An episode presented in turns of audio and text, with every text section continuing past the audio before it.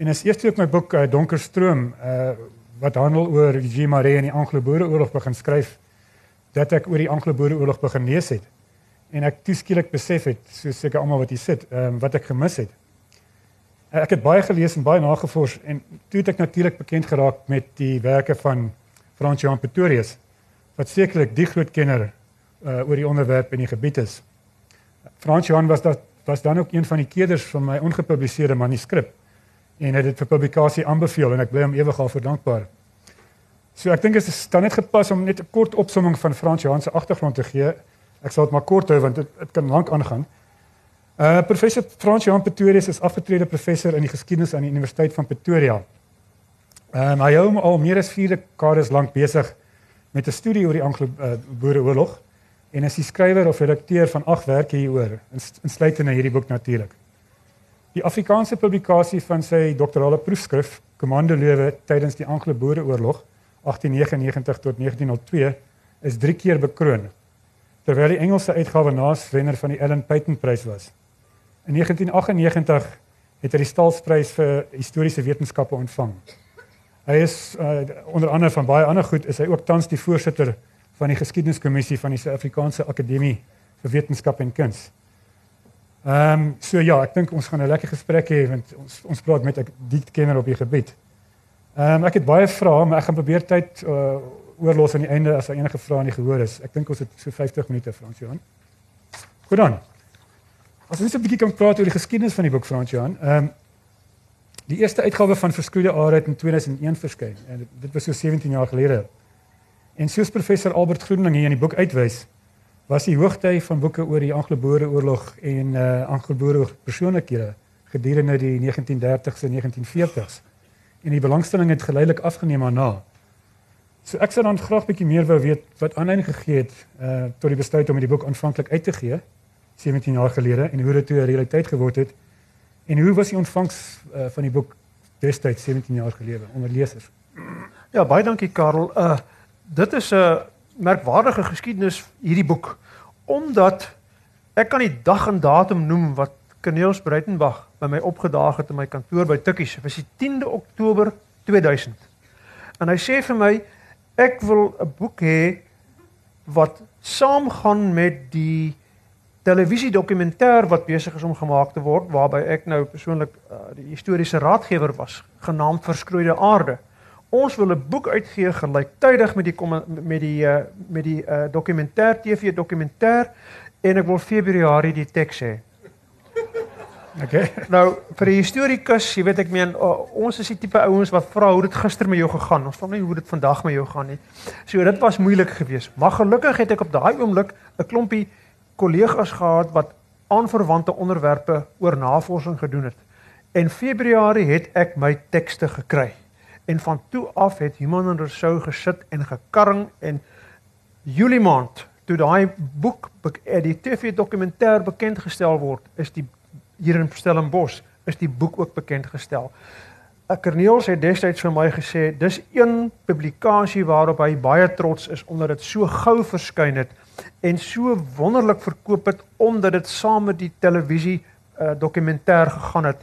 Dit het mense aangegryp en ja, die belangstelling in die Anglo-Boereoorlog het na die 18 nee, 1930 40s afgeneem, maar vanaf die 70er jare het dit weer opgetel soos wat Afrikaners begin agterkom met maar daar die mense wat aan daai oorlog deelgeneem het is besig om uit te sterf. En toe in 94 met die nuwe Suid-Afrika en die Waarheid en Versoeningskommissie kom en ons pak kry en ons skoolselabisse vir ons vertel daardie geskiedenis is uit. Het Afrikaners begin teruggryp na die Anglo-Boereoorlog, na hulle oupas en oupa grootjies en oumas en ouma grootjies wat ook deel wees van deel was van hierdie oorlog. En genealogie is besig om te blom as gevolg daarvan wat het ons voorouers gemaak in hierdie Anglo-Boereoorlog. En nou kyk ons met 'n baie groter gemoedelikheid daarna. Ons is nie kwaad nie. Ons kan met 'n bietjie meer hopelik objektiviteit daarna kyk. En so het dit 2001 gebeur. En dan omdat die boek so goed verkoop het, uit binne 3 maande was 3000 eksemplare uit en na 3 maande nog En van toe af vra mense vir my, waar kan hulle dit in die hande kry? En ek het aan mekaar probeer vir iemand en sou sê asseblief, ons moet hierdie boek uitgeweer uitgee. En gelukkig toe het Tafelberg dit opgeneem en ek is bly Annie Olivier sit hier in die gehoor want sy was aanvanklik deel daarvan gewees sodat sy voordat sy uh, ander oorde opgesoek het binne die NB stal. Maar dit was fantasties om weer aan hierdie boek te werk. So nou is daai daar en ek wil sê kyk die opkoms hier is 'n aanduiding dat die Anglo-Boereoorlog interesseer mense Afrikaners intens. Dankie. Ehm um, nou ek seker baie van die mense het die vorige uitgawe gelees. Is daar iets nuuts in die hierdie uitgawe wat laas jaar uitgekom het? Ons dit was vir ons belangrik of vir my belangrik want 'n paar van die skrywers, vier van hulle is al oorlede, so is 'n baie gevaarlike job wat ons het. Uh maar omdat hulle oorlede was, het ek toe die vrymoedigheid geneem om daar 'n bietjie te karring aan hulle hoofstukke. Maar in die eerste plek het ons 'n nuwe voorkoms gekry. Behalwe dat die gehalte papier iets pragtigs is. Hmm. Van die 260 fotos is 160 van hulle wat nie in die eerste uitgawe verskyn het nie. Trouwens net 54 van die eerste uitgawe se fotos is in die tweede ene. En meer as 50 kleurplate het ingekom. So visueel is dit 'n verskriklike mooi boek. Ek kan met afstand sê daar's 'n boek om te hê omdat hy so mooi lyk. Maar wanneer ons kom by die inhoud, daar het ek nou 'n bietjie gekarring. Ek het besef ek moet bietjie een of twee feite oor die aangeloop oor die militêre geskiedenis verander en korter maak en hier en daar. En dan het daar dinge gekom. Een van die skrywers is Stowell Kessler en hy's hmm. sedertdien oorlede, maar hy het sy doktorsgraad gedoen terwyl hy besig was met die eerste uitgawe en daarna sy proefskrif gepubliseer. Ek kon daaruit nuwe dinge oor die swart mense byvoeg wat hy nie in die eerste stuk gesit het nie. En dan was daar iets wat wat my geïnteresseer het. Uh en dit is die emosie die emosie rondom die Anglo-Boereoorlog. En omdat die naam Lizzie van Sail kort kort na vore gekom het. Ons kan miskien oor haar gesels. Hmm, ja, ek het een van die vrae. Uh, het het ek gedink dit is iets wat moet bykom. En so daar 'n klompie goed bygekom wat ek gevoel het ons kan hier ons lesers 'n bietjie meer vertel van. So dit was dit is eintlik dieselfde boek maar ook baie nuut en teksgewyse nuwe goetertjies by. Nee, ek stem saam. Dis 'n ongelooflike boek vir die wat nog nie dit onder oog gehad het nie. Of al die foto's, maar ons sal daaroor praat net nou. Ehm as ons kyk na die inhoud, die sentrale tema van hierdie boek vir my is die Britse konsentrasiekampe uh waarin wit en swart mense saamgehok is. Uh kom ons gesels daaroor in die onlangse navorsing wat ek oor generaal Ben Viljoen gedoen het. Uh het ek afgekom op 'n brief wat hy in 1915 uh aan 'n Amerikaanse koerant geskryf het toe hy in Los Angeles gewoon het, naby die einde van sy lewe. En hierdie brief het hy geantwoord op 'n brief in die koerant van 'n voormalige verpleegster uh wat in die konsentrasiekampe gewerk het wat dit wou hê dat die Britte die boerevrouens en kinders eintlik baie goed behandel het. En dat die meeste sterfters onder hulle voorgekom het as gevolg van masels en hulle eie onhigiëniese praktyke. Uh Benedict en sterkste ontken en bygevoeg en ek haal hom aan hier so I will if taunted publish details of the barrels of ground glass which was parceled out in the daily rations. Nou ek onthou dat ek as 'n kind stories gehoor het dat die Engelse glasstukkies, uh, weet blou vitriool, versoeke ensovoorts in die kos gesit het. Steek jy enige waarheid in hierdie stories? Was daar doelbewuste poging aan die Engelse se kant om boerevrouens en kinders uit te moor?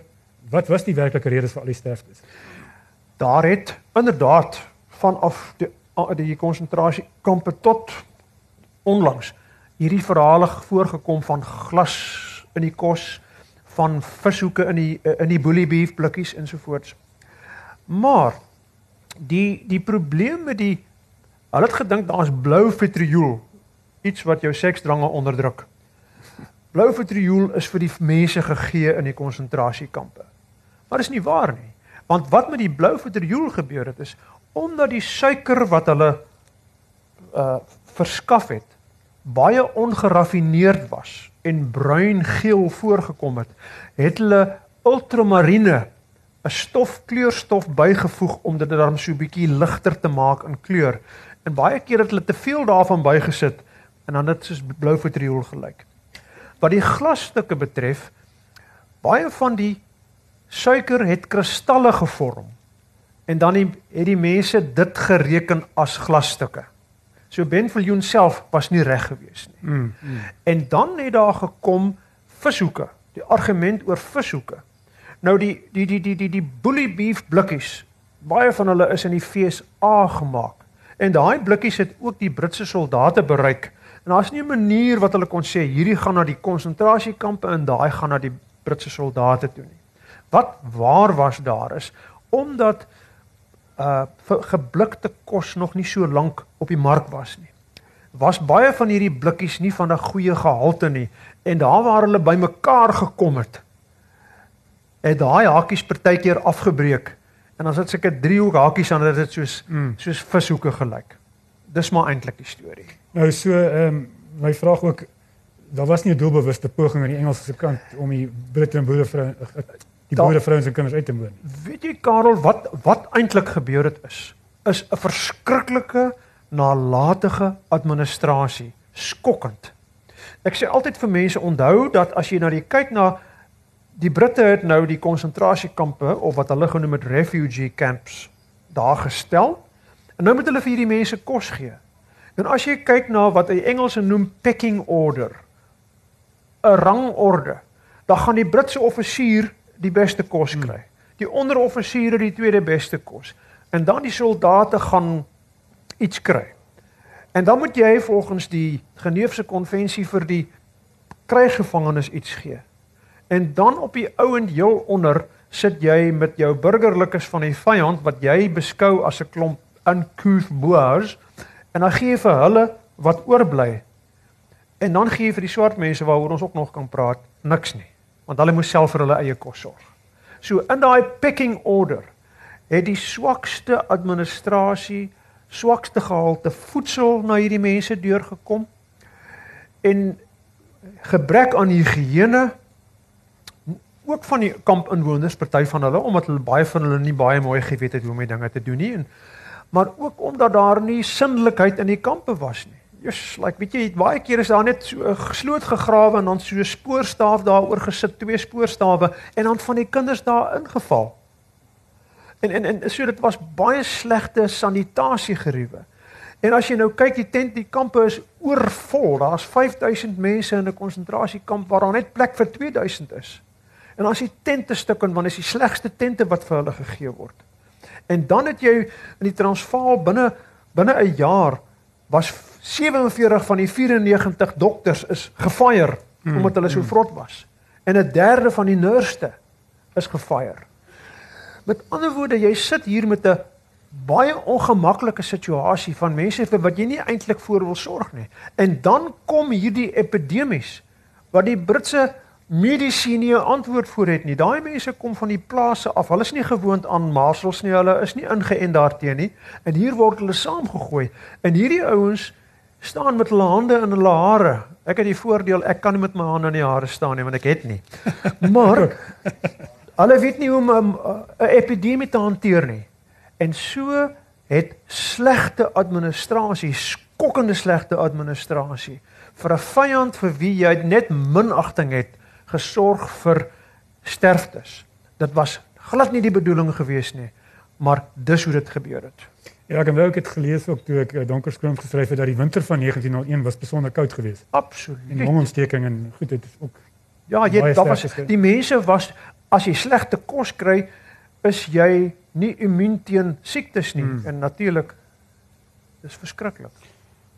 En hoeveel mense um, wit en swart is dit in uiteindelik in hierdie kampe aangehou en wat was die ware sterftesyfer? Mense lees so baie verskillende getalle. Ja. Uh die aantal inwoners was omtrent dieselfde vir blank en vir swart, omtrent so 110 115000.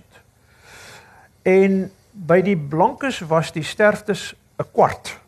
25% van hulle is dood. Nou, Letterlik hoeveel was daar in die kamp? Uh 115000. En 28000 is dood. Daar's syfers wat praat van 34. Ek glo dit nie. Dit is dit is net party die administrasie van die Britte was oor die algemeen goed. maar hulle het bietjie de mekaar geraak met al die Nico Janse van Rensburgs en al die eh, Nicolaas Pretoriusse en so. So hulle het baie keer twee keer geskryf en ander kere nie een keer nie ensovoorts. So die administrasie was nie wonderlik nie. Ons is nie 100% seker hoeveel inwoners daar was nie. Elizabeth van Heiningen praat van tussen 25 en 27000 ek uh, uh, wat dood is op die ouend ek sou sê die 28 klink vir my reg wat in 1913 bepaal is aan blanke kant. Dit is 'n kwart waarvan 22000 kinders was. Ja. 80% van hulle is kinders.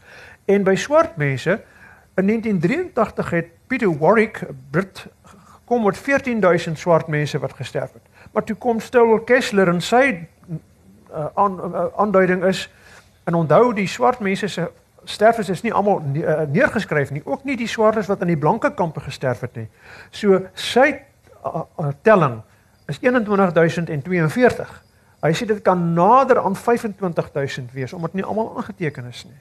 So ja, daar is daar is geweldige sterftes as gevolg van hierdie en die aantal aangehoudenes aan die swartes hoe is? Selfde, selfde aantal omtrent 110 115000. Ehm um, Goed, nou kom ons praat 'n bietjie oor die titel van die boek en, en spesifiek oor die Britse verskroeide aardebeleid. Nou ek wil 'n bietjie 'n alregse vraag vra hierso.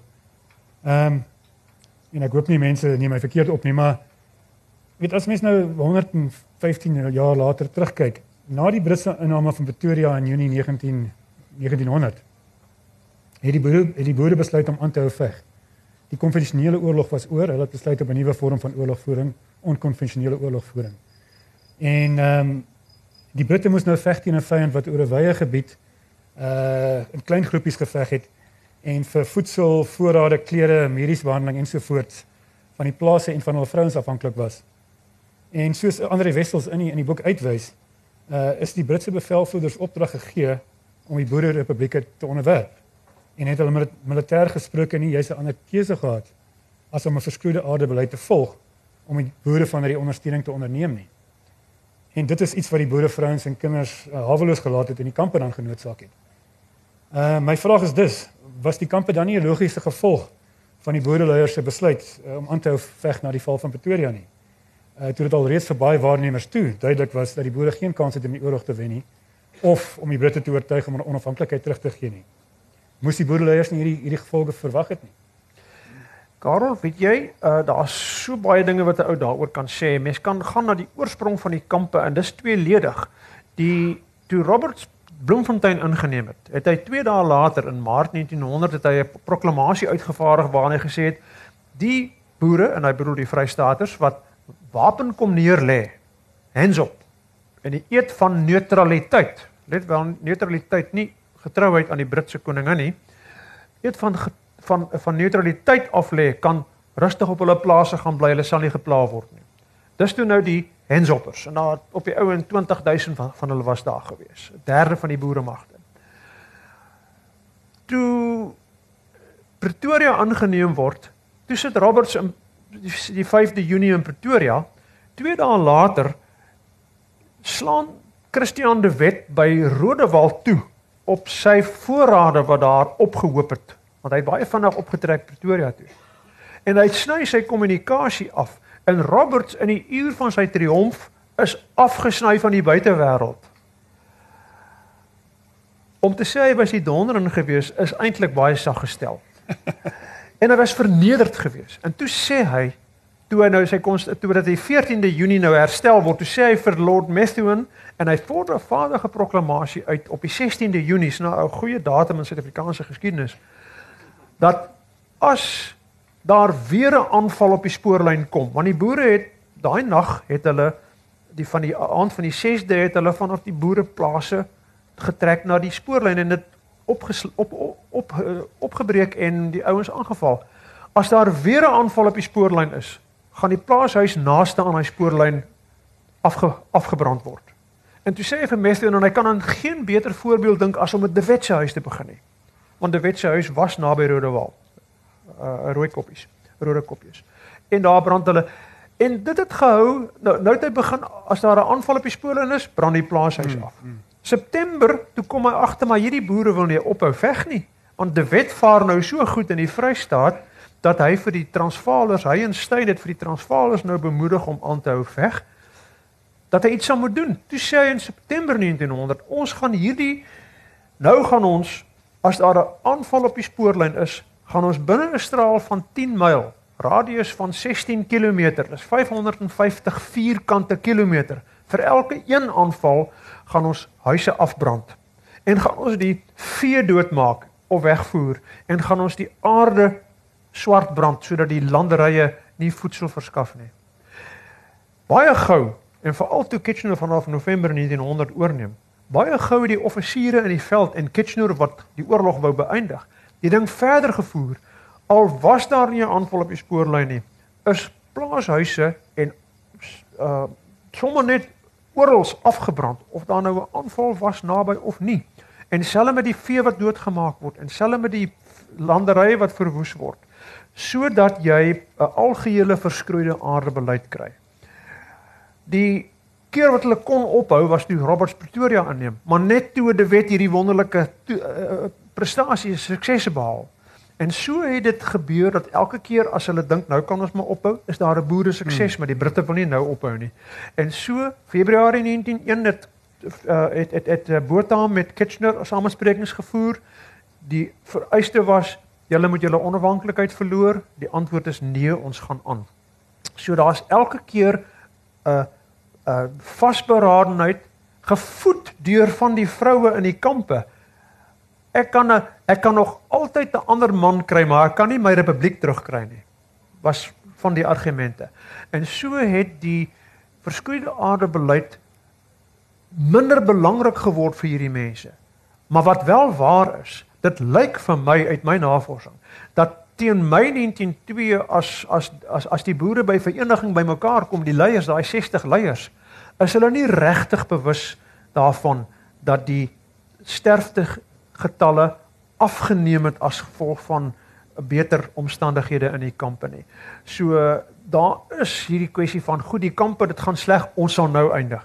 Maar dis ook waar wat jy sê dat as hulle in Junie 1900 opgehou het dan was daar nie hierdie kampe storie gewees nie. Want onthou die Februarie 1901 voorwaardes wat wat wat wat Kitchener vir die Britse regering of die Britse regering via Kitchener aan Louis Botha gegee het was gunstig. Dit was op die ouend baie na aan dieselfde ja. as vereniging. Om die waarheid te sê in in een opsig was dit beter. In twee opsigte. Nee, een opsig was was uh Februarie 1901 beter. Dit het gesê dat onderwys sal in Nederlands en Engels plaasvind na gelang van die ouers se keuse. En by vereniging was dit Engels. Mm, mm. Maar natuurlik, ek meen uh, Milner sou waarskynlik daai Februarie 1901 goetertjies op die ouend verwater het. Ja, ja. Maar daar was geleentheid, maar die Vrystaaters was verbeter geweest. 'n Steyn en 'n wet was verbeter. Dit is so dat Afrikaners in die jongste tyd met Afri met nasionalisme wat 'n bietjie afgeneem het, met ander oë na Piede wet kyk, met ander oë kyk na 'n Benviljoen wat sê hoekom het ons nie vroeër geëindig nie.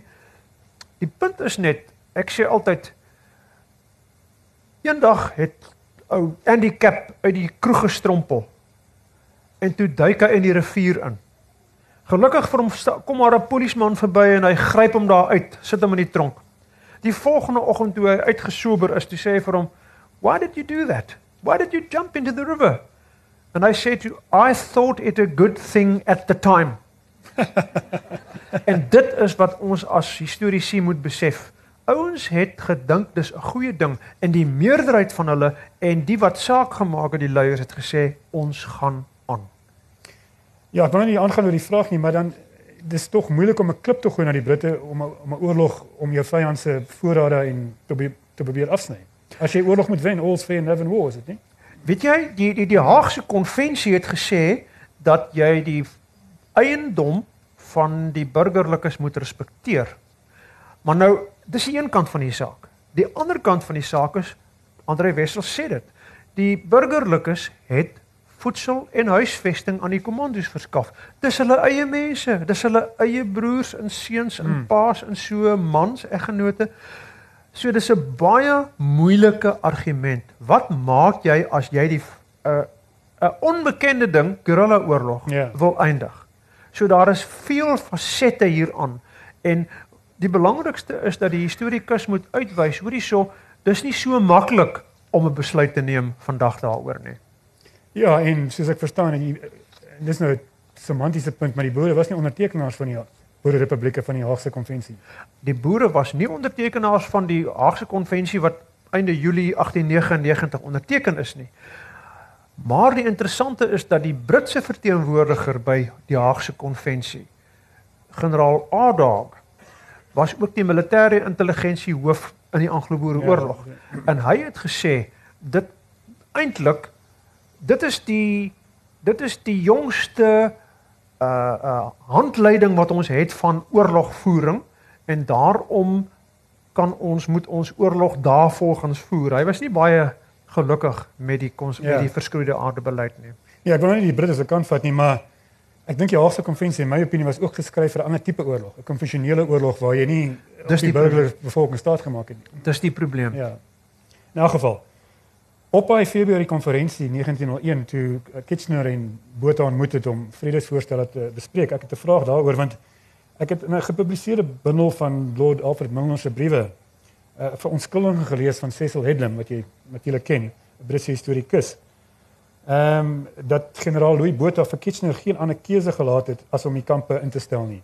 En sy redes hiervoor is dat Kitchener sou aan Botha by hulle Middelburg konferensie gesê het uh, voorgestel het dat albei kante die plase uitlos van haar handsoppers of die die boere wat wat nie hulle vegtende volksgenote bystaan nie.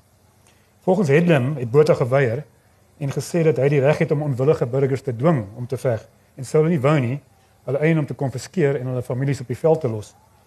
En dit het volgens Hedlem Kitchener toe genoop om om hierdie uh, boere vrouens en kinders konseis onder Britse beskerming te bring. En dan sê Hedlem iets ook wat ek interessant vind. Hy sê die vegtende boere het eintlik die konsentrasiekampe ver verwelkom. Uh for it enabled them to remain in the field without anxiety for their dependence. En as bewys hiervoor ver, verwys hy na 'n stelling wat Louis Botha glo in Mei 1902 gemaak het, kort voor die einde. En uh, dis 'n quote wat hy of 'n aanhaling, one is only too thankful nowadays to know that our wives are under British protection. Volgens uh, het Botha volgens Hedlem gesê. Uh wat is jou kommentaar oor so 'n stelling? Die die die die die die laaste punt eerste. Ehm um, by verenigings se samesprekings was Louis Botha die ou wat gesê het ons is baie bekommerd oor die sedelike kwessie in die konsentrasiekampe. Ons moet hierdie oorlog beëindig as gevolg daarvan. So wat daar gesê word, ek wil nog daai kwotasie kry wat wat Louis Botha dit kampste gesê het, want dit stem nie meer een met wat hy by vereniging gesê het. Jy jy, jy verwys aan die sedelike omstandighede. Wat bedoel jy? Sê weer? Die sedelike omstandighede in se- daar was van die vroue wat met die Britse soldate uh de mekaar geraak het op verskillende vlakke. Mm, mm. En uh dit is dit, dit is iets wat wat baie ontstellend was. Dit was nie groot nie, maar dit was wel dit was wel dit was wel so gewees. Wat betref die uh wat was jou eerste vraag punt gewees? Die eerste punt is, weet, Kitchener het omdat Botha geweier het Ja, om- ja. om in te stem op die punt. Ja. Weet jy, ehm um, die Botha was heeltemal reg.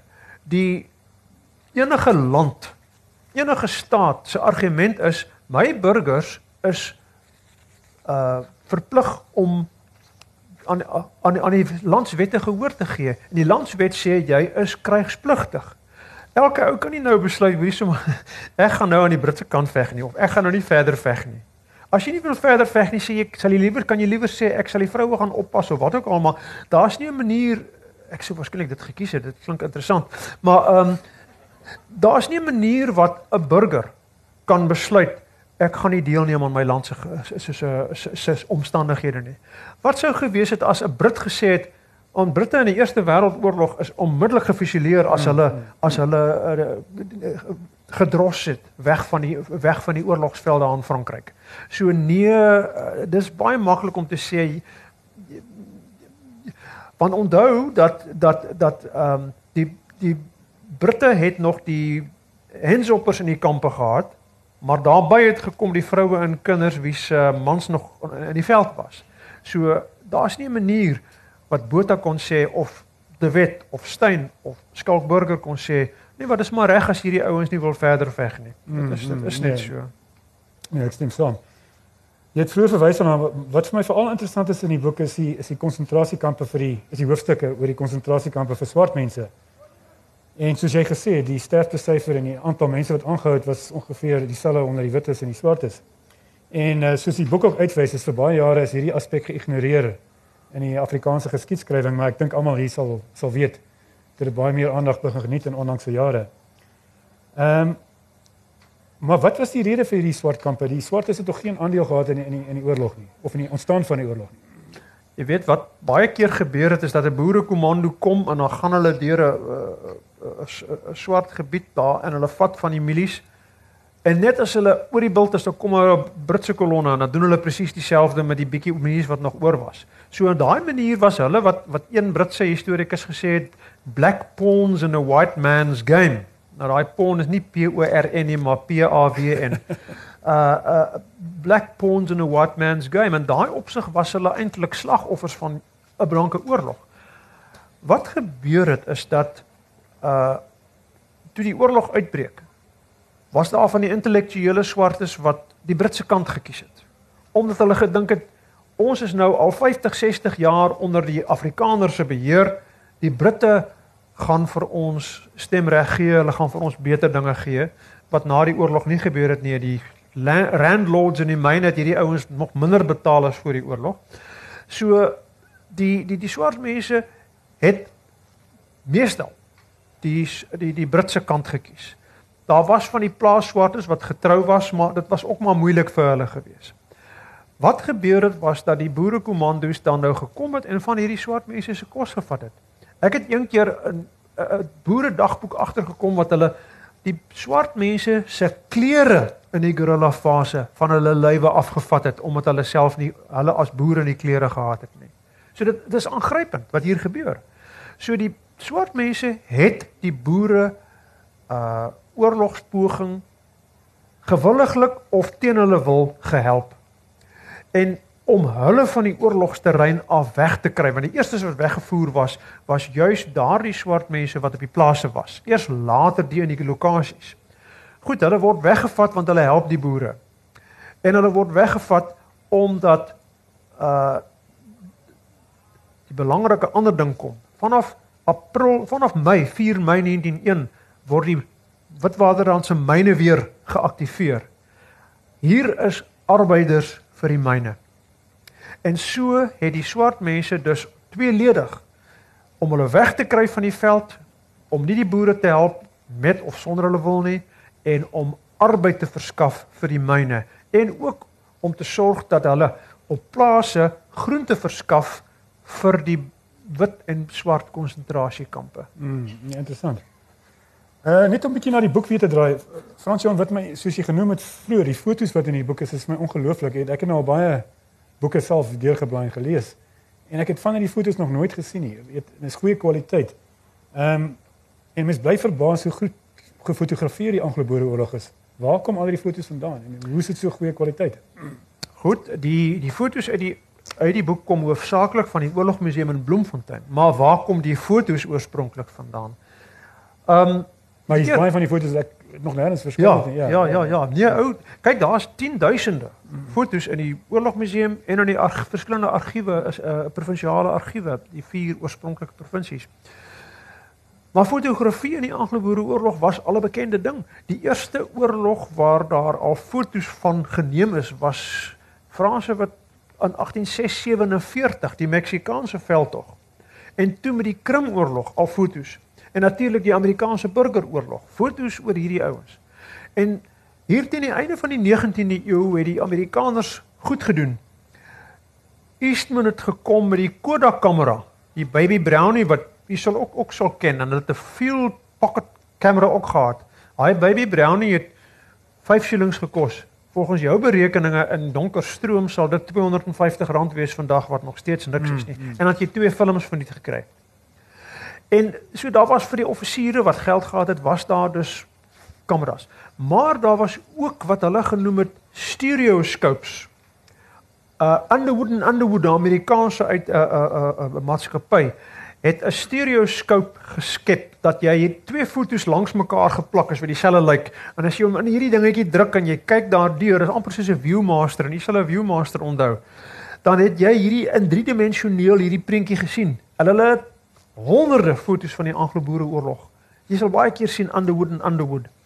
En toe kom maar 'n ander ding, die biograph.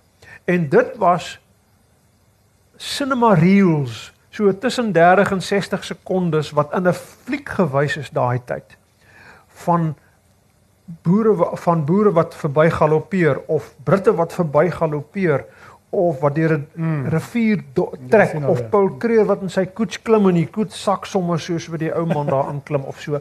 So dis die biograph. En dan het gekom fotograwe. Sjoe met daai groot kameras van hulle in hulle kleed bo die kamera aan hulle self. Daar was 'n Hollander van Hoepen, Jan van Hoepen wat meeste van die fotos wat ons van eintlik van die boerekant af ken, die is deur Jan van Hoepen geneem.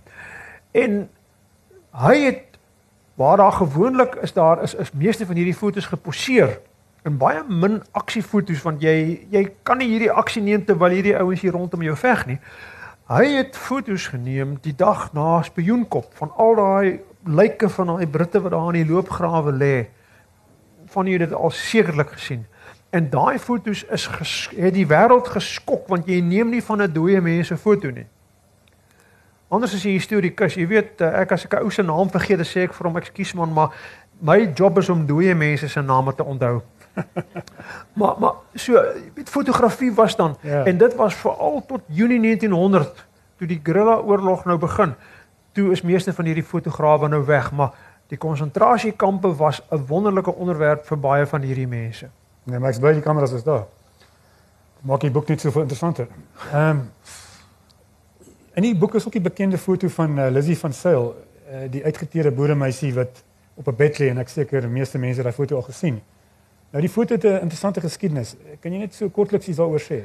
Dis wat ek baie graag daar wou gehad het uh, in in in die tweede hersiene uitgawe die verhaaltjie van Lizzie van Sail. Sy was 'n voetbal tussen die Britte en die boere wat die propaganda betref. Haar verhaaltjie is die volgende. Haar pa was 'n bywoner, hy het nie grond besit nie in die Kroonstad distrik en hy hy was op komando. En toe einde November word sy saam met haar boeties en sissies en hulle ma vanaf die plaas waar hulle was na die Bloemfontein se konsentrasiekamp ver, uh, vervoer einde November 1900. Twee weke later word sy in die hospitaal opgeneem. Einde Januarie 1901 kom daar 'n meisie genaamd Emily Habhaas op besoek aan die Bloemfontein se konsentrasiekamp en sewe ander kampe in die Vrystaat en Kaap. En sy sien hierdie meisietjie in die hospitaal. Absoluut vellenbeen. Jy sal sien bladsy 670 bladsy 86 186 sy kan nie glo wat sy sien nie sy sê vir die verpleegster wat gaan hier aan nee sê die verpleegster dit is haar ma wat haar wat haar net eenvoudig so mishandel het en dis hoekom sy so lyk Emily help haar tog dis amper snaaks en sy gaan na die tent toe en sy vra vir die bure te sê hulle nee dis eintlik nie waar nie mevrou van Sail is arm maar sy doen was was goed vir die welgestelde vroue om bietjie geld te kry om vir haar kinders te kan kos koop want jy kon by 'n by 'n 'n 'n winkeltjie kon jy kos koop. Sy is glad nie dit is nie hier hierdie storie van dat sy uh, dat dat haar ma haar uh, wanvoet het ensovoorts is nonsens. Dit kom van 'n hensopper vrou wat hierdie gossip vertel het. Dit kon Hobbehaas nie verstaan nie. Toe sy einde April 3 maande later weer daar kom. Nou is Lizzie al by haar ma want haar ma het haar uit die hospitaal gevat. Hulle sien die ander kinders sterf in die hospitaal. Nou is daai kind letterlik vel en been. En sy kry 'n foto wat blykbaar 'n mevrou de Klerk geneem het. Kry sy en sy stuur hom Engeland toe na haar South African Women and Children Distress Fund. En hulle plaas dit in snaaks genoeg nog in die tydskrif genaamd New Age.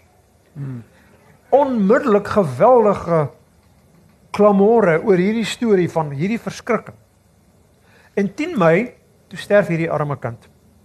En dit het Habhaas verskriklik ontstel. Maar wat toe nou gebeur is in Januarie 1902 toe verskyn Sir Arthur Conan Doyle se boek, die Sherlock Holmes man. Sy boek oor die Anglo-Boere oorlog, waarin hy sê ag nee man, sy Lizzie se ma, daai foto is deur die Britte geneem in om ge, te gebruik in 'n hofsaak teen haar ma vir haar kindermishandeling. En dieselfde tyd sê 'n dokter van die Bloemfontein se kamp, dokter Pern, ja ja nee wat, sy het so hier aangekom so siek en so, daar's baie kinders met Ja sê Joseph Chamberlain die koloniale sekretaris in die in, in die laarhuis. Dit is so, die die kinders kom siek in die kamp en dan moet ons na hulle kyk. En dit was nie waar gewees nie. En so het sy 'n speelbal geword tussen hmm. hierdie twee.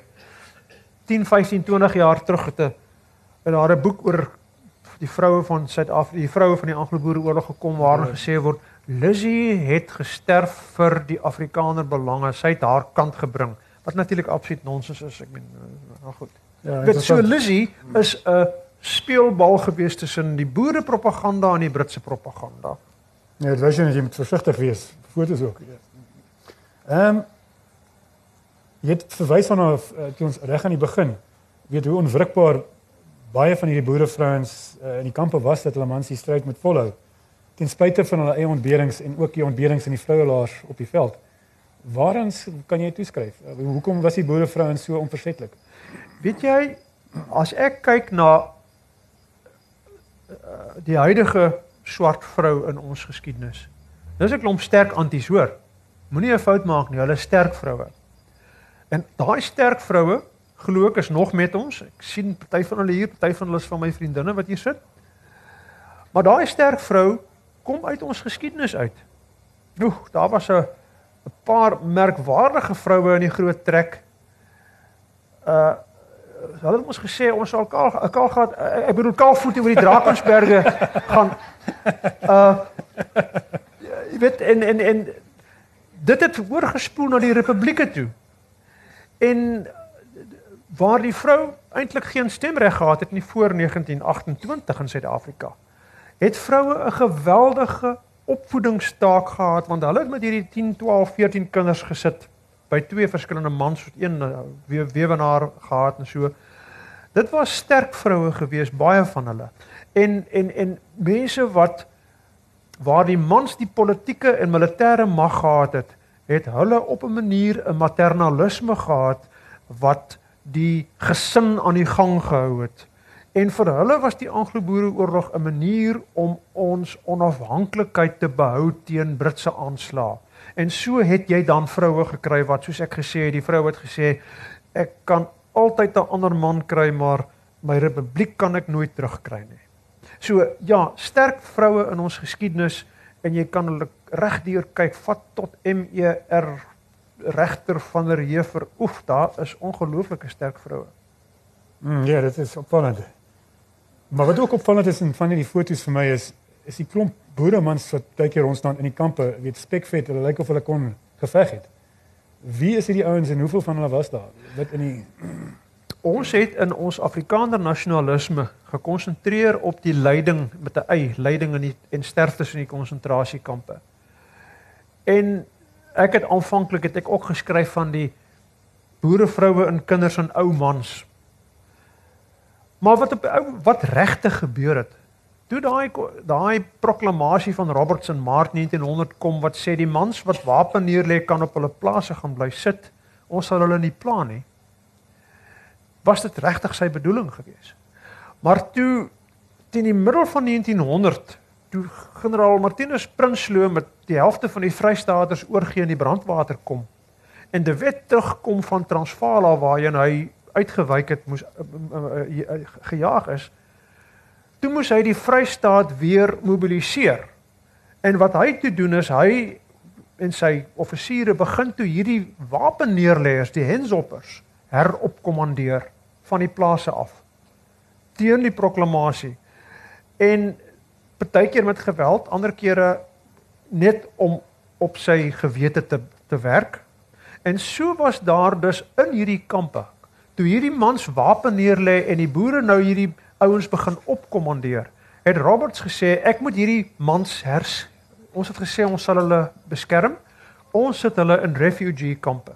Maar terselfdertyd omdat die verskroeide aardebeleid gekom het en die plaashuise afgebrand is, was daar vroue en kinders wat haweloos was en so in die kampe het die bittereinders se vroue en kinders gekom saam met die hensoppers en hulle vroue en kinders. Die manne wat nie meer geveg het nie. So daar was nie net vroue en kinders en ou mans bo 60 nie, maar ook hensoppers in daai kampe.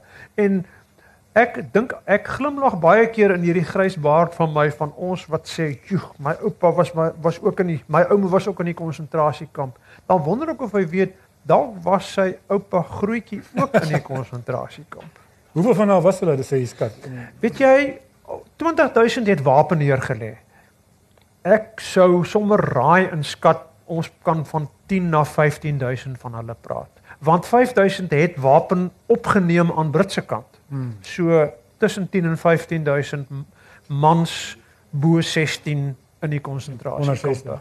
Ja, onder 60. En die ja. verhoudings tussen hulle en die onversetlike boerevrouens is ek nie baie goed nie. Dit was besonder aklig geweest. Hulle was die luistervinke geweest.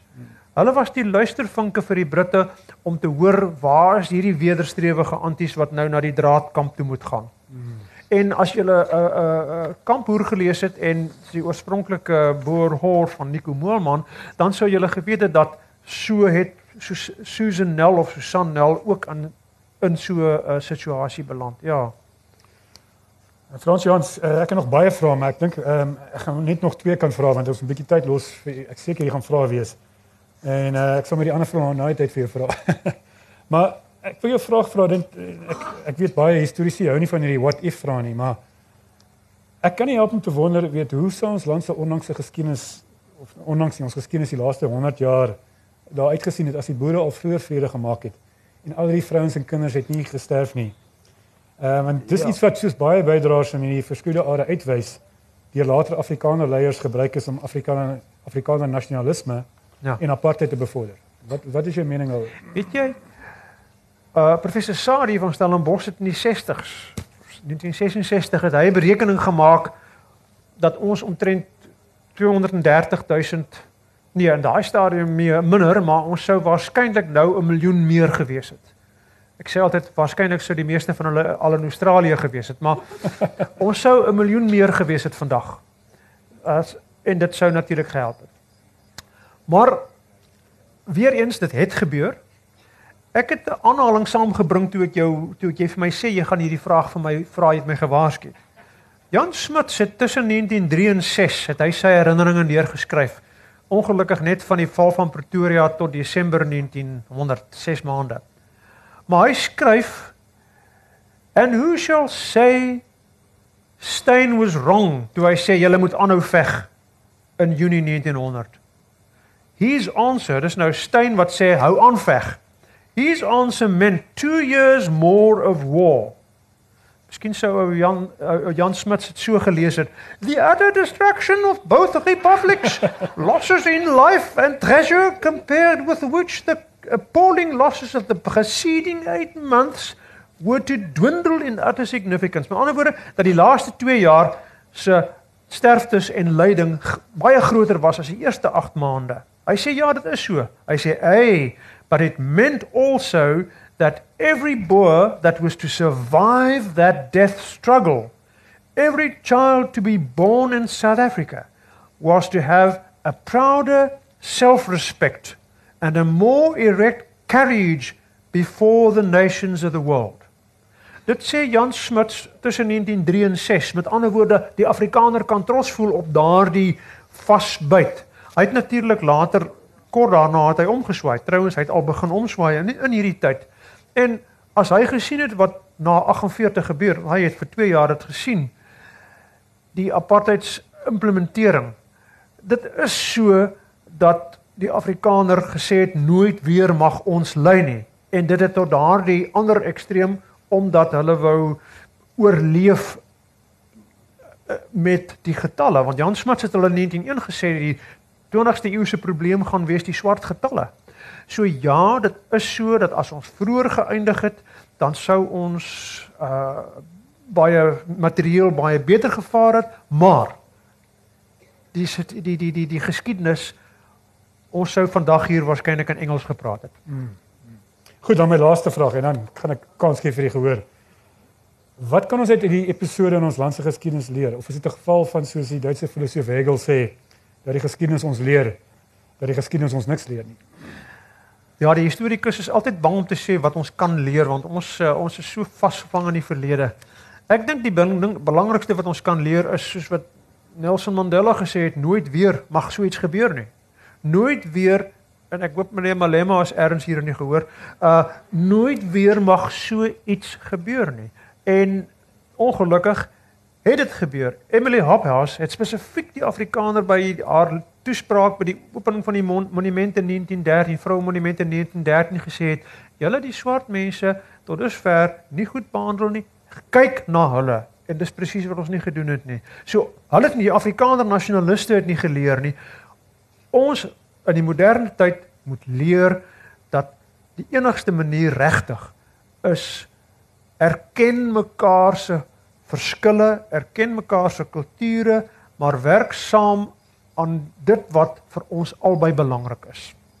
Hm, ja, baie dankie, Frans Johan.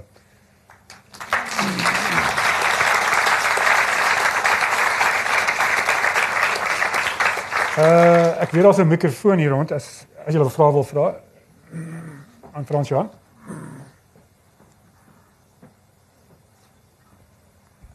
Ons het so 7 minute vir vrae dink ek. Frans Johan, baie dankie. Ek wil graag hoor ehm um, die die oortuiging van die vroue of dan nou die kom ons sê die boere binne die binne die konsentrasiekampe om om soort van aan te hou veg of te volhard en natuurlik ook die boere in die veld, die bittereinders.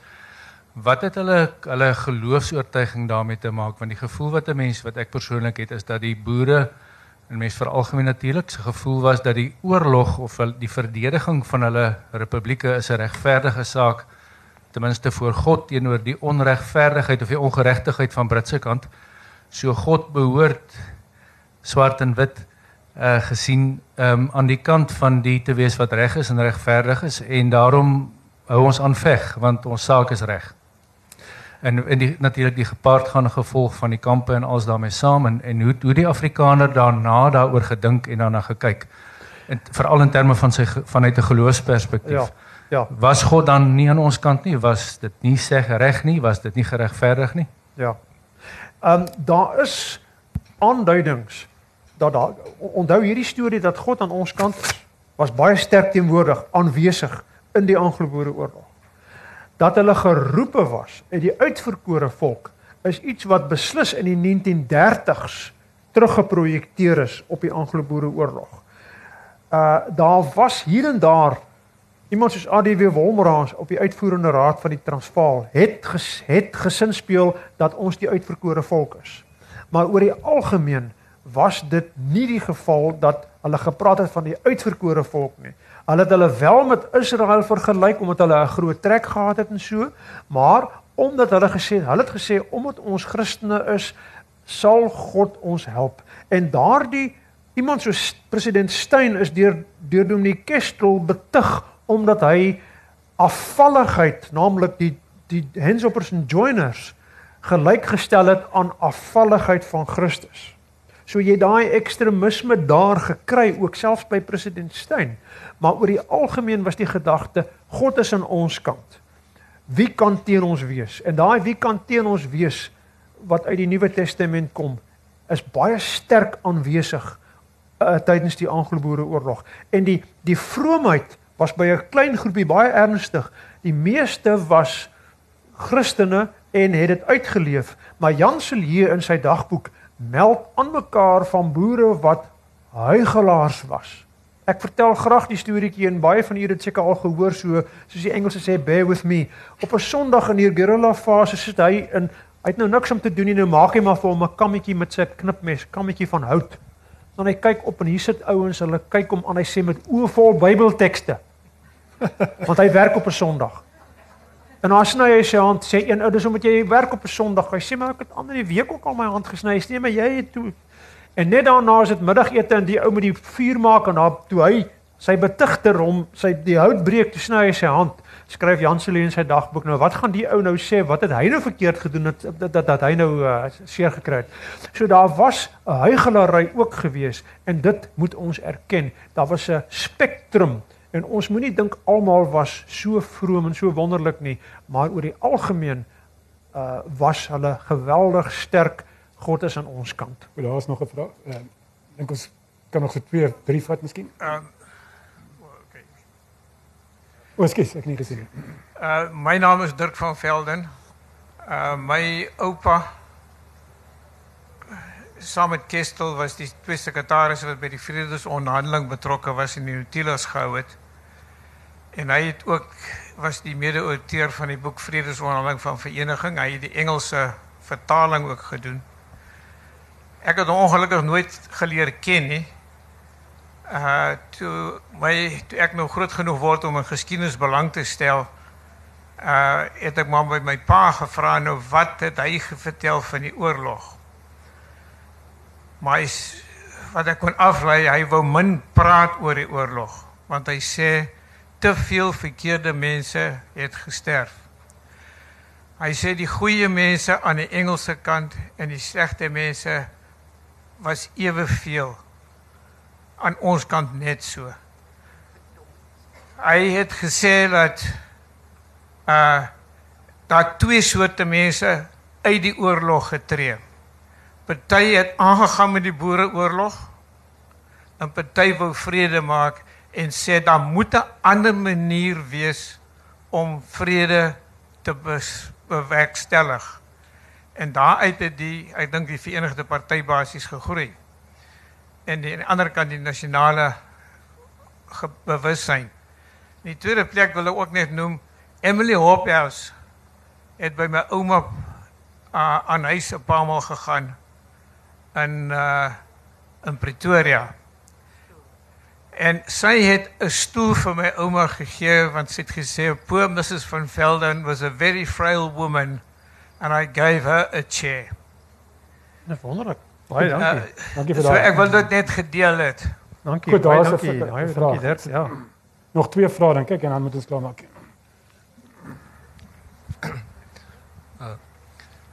uh prof uh, Frans Johan uitstekend soos altyd briljant veral met 'n paar kakie vrae wat jy moes antwoord.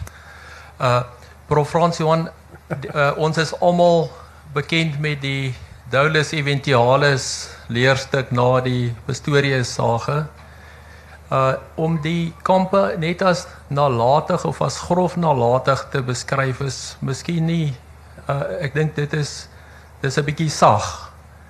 Uh wat sou u sê op die op op die voorsienbaarheid dat die Britte tog hier al hierdie uh uh uh sterftes ensovoorts moes voorsien het en onmiddellike aksie geneem het en dis met ander woorde uh uh op opset met moontlikheidsbewussyn gepleeg het. Uh Karel, nou sit ek met 'n regsgeleerde Corneels Lourens wat nou daai vraag gevra het. Corneels, my reaksie daarop is die volgende soos wat die kampe ontwikkel het, kan jy duidelik sien hulle het nie die gevolge voorsien nie en ook nie gedink wat gaan gebeur nie. Onthou dis die militêr wat hierdie ding instel en is die militêr onder, onder Roberts wat dit instel en na hom Kitchener en eers in November 1901 neem Milner as hoofkommissaris oor en met hulp van Emily Hobhouse se onthullings en die ladies committee wat daar was, is daar nou verbeteringe en Milner bring verbeteringe aan en die sterftesyfer neem af van Oktober 1901 3205 na 196 in Mei 1902. 'n Geweldige verskil van oor die 3000 is 'n aanduiding dat die Britte het nie voorsien dat so iets gaan gebeur nie. En toe hulle eers soos die, soos 'n uh, Mangosuthu Buthelezi sal sê, when they got their act together, toe het dit verbeter, maar dit was swak Britse militêre administrasie wat dit veroorsaak het. Ek ek ekskuus, ek moet met 'n regsgeleerde verskil hierso. Goed, nog een vraag en dan moet ons klaarmaak. Uh, ek hy wag al, dan jammer. Kom Uh, ek onthou uh, as 'n jong seun in 1959 was ons by die uh, museum in uh, Bloemfontein. My pa was 'n redelike vuurvreter en hy het ons gewys 'n deel van die uitstalling was ehm um, stukkies glas en van die vishoeke en die byskrif by die uitstalling was dat dit is wat aan die uh kruisgevangenes gevoer was. Sou dit korrek gewees het in daardie tyd? Ek onthou dit baie duidelik dat die glas groen en blou was. Baie dankie vir die vraag. Dit is uh, ek wil net herhaal wat ek gesê het, naamlik dat nee, baie duidelik was daar nie so iets nie. Maar hoekom 'n uh, 'n museum of 'n monument sê vir jou meer van die tyd wat hy opgerig is as wat hy herdenk. En in daai tyd was die Afrikaner nasionalisme so anti-Brits dat hulle enigiets sou geglo het. En die mense wat daai tyd in beheer was en selfs daarna, weet jy in 1977 ry ek met 'n professor in geskiedenis van van 'n van 'n betrokke universiteit ry ek uit na die geveg van Sand na die slagveld van Sandlerspos. 1977 en hy sê vir my, "Sien, daai huis daar op daai bult." Dit is die huis van 'n joiner gewees. Met ander woorde, dit het geskroei in die Afrikaner se gemoed en mites is geskep wat eenvoudig nie waar is nie. Ons moet baie versigtig wees want daai ouens in die 50er jare het nie die waarheid gepraat. Dit was hulle het gesê wat die mense wou glo. Goed, baie dankie almal. Frans Johan gaan beskikbaar wees na die tyd.